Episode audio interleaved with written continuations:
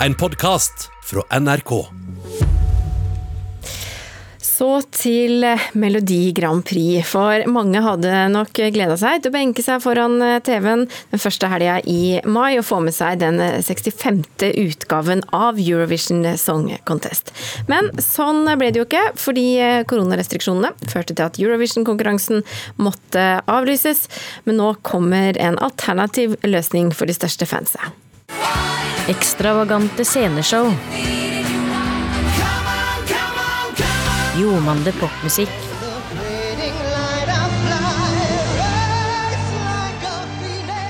Og en europeisk fellesskapskjensle uten like. Slik kan en beskrive Eurovision Song Contest, som i år måtte avlyses pga. Av koronapandemien.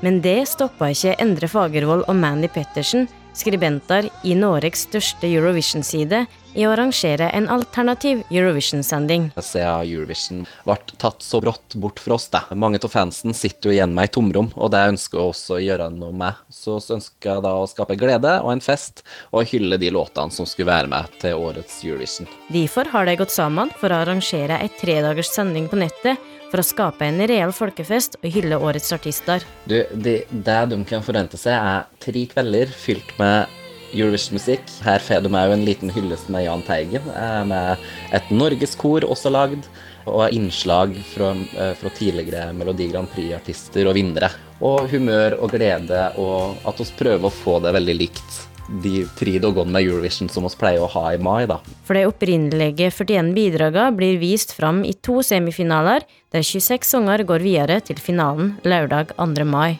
Både finalistene og vinneren er allerede stemt på forhånd, men det virtuelle publikummet kan chatte sammen og glede seg over pauseunderholdning på det digitale rommet. Åh, Jeg digger jo Mandy og gjengen. Altså, det, er, altså, det, er, det som er noe av det flotte med hele Eurovision og Grand Prix, er jo samholdet med fansen. Liksom, man føler man får en, får en, familie. Det sier årets norske vinner Ulrikke Brandstorp. Folk gjør liksom det beste man kan ut av situasjonen man er i, og at man har lyst til å på en måte, ja, hylle årets bidrag og lage litt eh, fest ut av det, det er veldig stas. Her må jeg jo absolutt prøve å få med meg.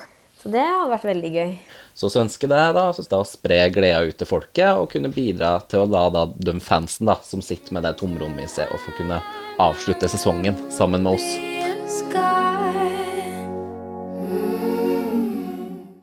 Ja, Det sa Endre Fagervold, skribent i EC Norge. Reporter var Oda Elise Svelstad. I dag er det ett år siden Notre-Dame-katedralen i Paris brant. Katedralen fikk store skader, spiret raste sammen, og pga. ødeleggelsene ble det for første gang på 200 år ikke holdt julegudstjeneste der i 2019. Og nå, pga. viruspandemien, er hele gjenoppbyggingen av Notre-Dame utsatt inntil videre, byggekranene står stille. Frank Orban, god morgen. Førsteamanuensis ved Høgskolen i Østfold, franskmed og programleder i podkasten 'Frankrike forklart'. Kan du forklare hva det gjorde med Frankrike og franskmenn at Notre-Dame brant? Jeg tror den, den, katedralen betyr noe veldig ulikt for uh, ulike mennesker. Altså For uh, pariserene så er den et symbol på, for Paris, sammen med Triumfbuen og, og Eiffeltårnet. For uh, katolikkerne i Frankrike, dvs. Si de som definerer seg som kulturelt katolske, og det er 80% av befolkningen, det er jo et stort flertall, så er det også et det, det, det, er, det oppleves som en nasjonal tragedie. Og så har du kirken som et symbol på Frankrike.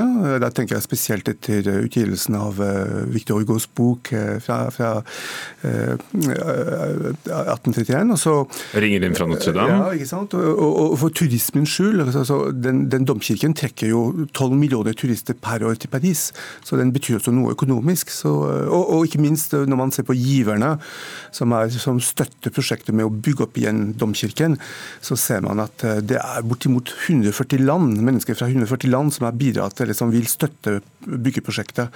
Så den har global betydning. En siste ting som kan være litt interessant å vite, er jo at når du skal måle avstander i Frankrike, så begynner du med å måle avstand fra, eh, fra området utenfor kirken. Alle offentlige avstander måles ut fra, fra, fra, på en måte eh, området uten, utenfor domkirken. Det er nullpunktet i Frankrike? Altså. Denne kirken var jo lenge led en ganske sånn miserabel eh, skjebne frem til 1800-tallet, da det ble verdsatt, restaurert og, og, og, ble til det symbolet det ble. Og så ble bebyggelsen rundt da eh, også sanert eh, på 1800-tallet. Eh, hva hvor enige er franske politikere om den veldig ambisiøse tidsplanen Emmanuel Macron har sagt, satt for å bygge den opp igjen? Altså, det tok uh, over 200 år å bygge opp den, eh, den kirken uh, i første omgang, fra 1161. Og så det er klart at å, å, å, komme med et politisk budskap om at du skal bygge opp kirken på fem år, var jo, var jo voldsomt ambisiøst.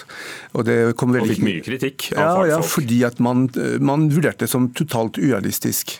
Samtidig så, så må det, det, det skriver seg inn også i et forsøk på å sprøyte nasjonal ambisjon eh, for, for, for, de fleste franskmenn. Det var viktig der og da, i fjor, og det er kanskje enda viktigere i år med, med den krisetilstanden som er pga. koronaviruset. Så ja, det, det, var uenighet om prosjektet. Mange vurderte det som totalt urealistisk. Eh, nå virker det enda mer urealistisk enn før, eh, men, men, men sluttpunktet, dvs. Si det å fullføre gjenoppbyggingen, det er nasjonal konsensus om det. Fra Selv når krisen nå rammer så hardt økonomisk, for det må jo brukes mye penger på dette. Alt er jo ikke fra private givere. Nei, men det, staten, altså selv veggene eies av staten. Det som er inni kirken eies av bispedømmet i Paris. Eh, staten bidrar med to millioner euro per år til, til, til gjenoppbyggingen. Resten kommer fra storgivere. Tre familier i Frankrike ga en halv milliard til gjenoppbyggingen. Og resten kommer fra private uh, givere. Uh, så det er ikke slik at staten bidrar med så mye penger i utgangspunktet, fordi at Frankrike er et sekulært land. Uh, men, men du, må, du, må, huske den konstruksjonen. altså Veggene eies av staten, og det som er inni eies av bispedømmet. Og så er det et samarbeid om hvordan man skal bygge opp igjen. Er det enighet om det skal bli et helt moderne spir, eller en kopi av det forrige? Det er det ikke. Det er også ulike politiske visjoner. Presidenten, eh, altså president Macron vil gjerne ha noe moderne som uh, gjenspeiler på en måte hans modernitet. Men hver president vil vel etterlate et monument? Kunne det blitt hans?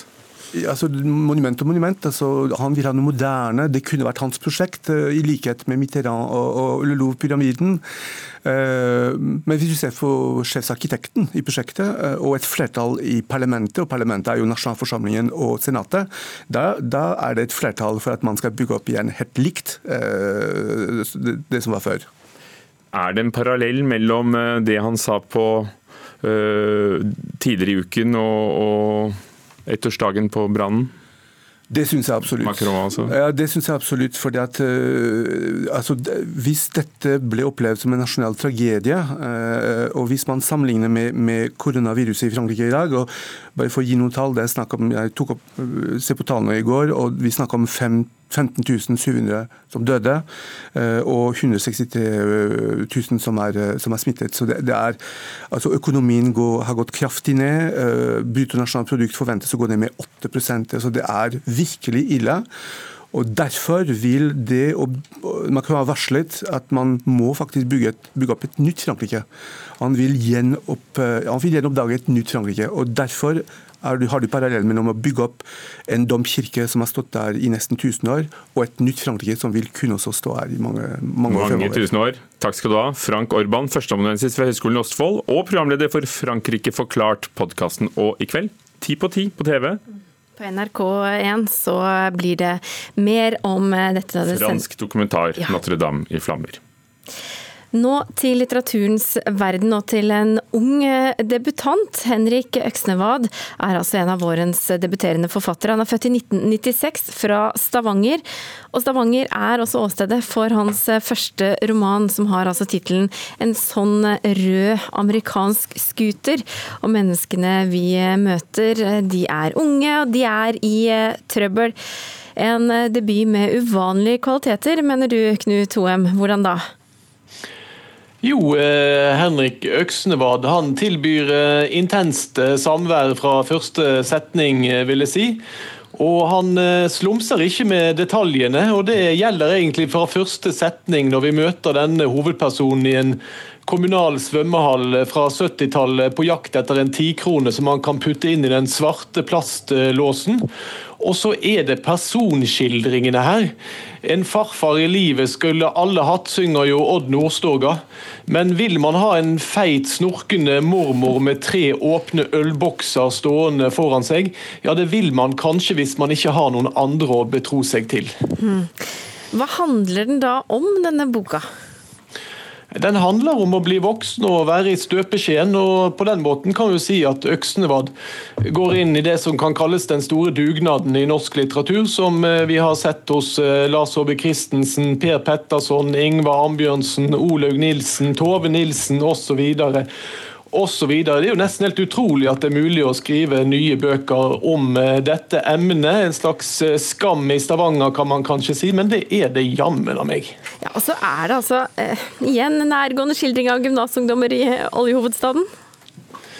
Ja, det er det. Og eh, den forrige som gjorde det, var vel kanskje Tore Renberg med 'Mannen som elsket Yngve'.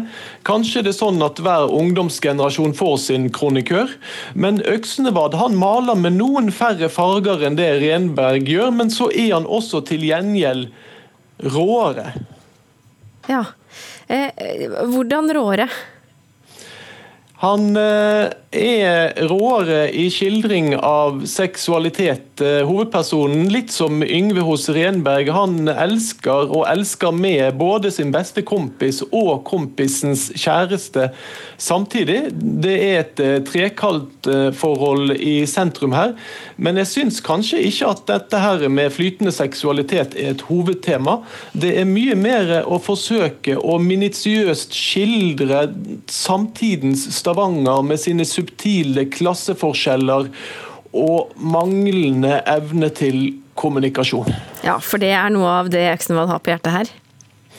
Ja, det er kanskje nettopp dette her med eh, at man ikke klarer å snakke sammen, ikke med sine foreldre. Foreldrene har så store hemmeligheter at de unge blir helt eh, eh, fortvilet. Og denne håpløsheten i eh, kommunikasjonen står jo i veldig kontrast til skrivemåten. Boken er jo full av dialoger, det er dialog på dialog. Men det som blir sagt, det eh, røper ikke hva menneskene føler, og det skaper en spenning i teksten. Avslutningsvis, eh, dette er en debutant som stikker seg ut i bunken?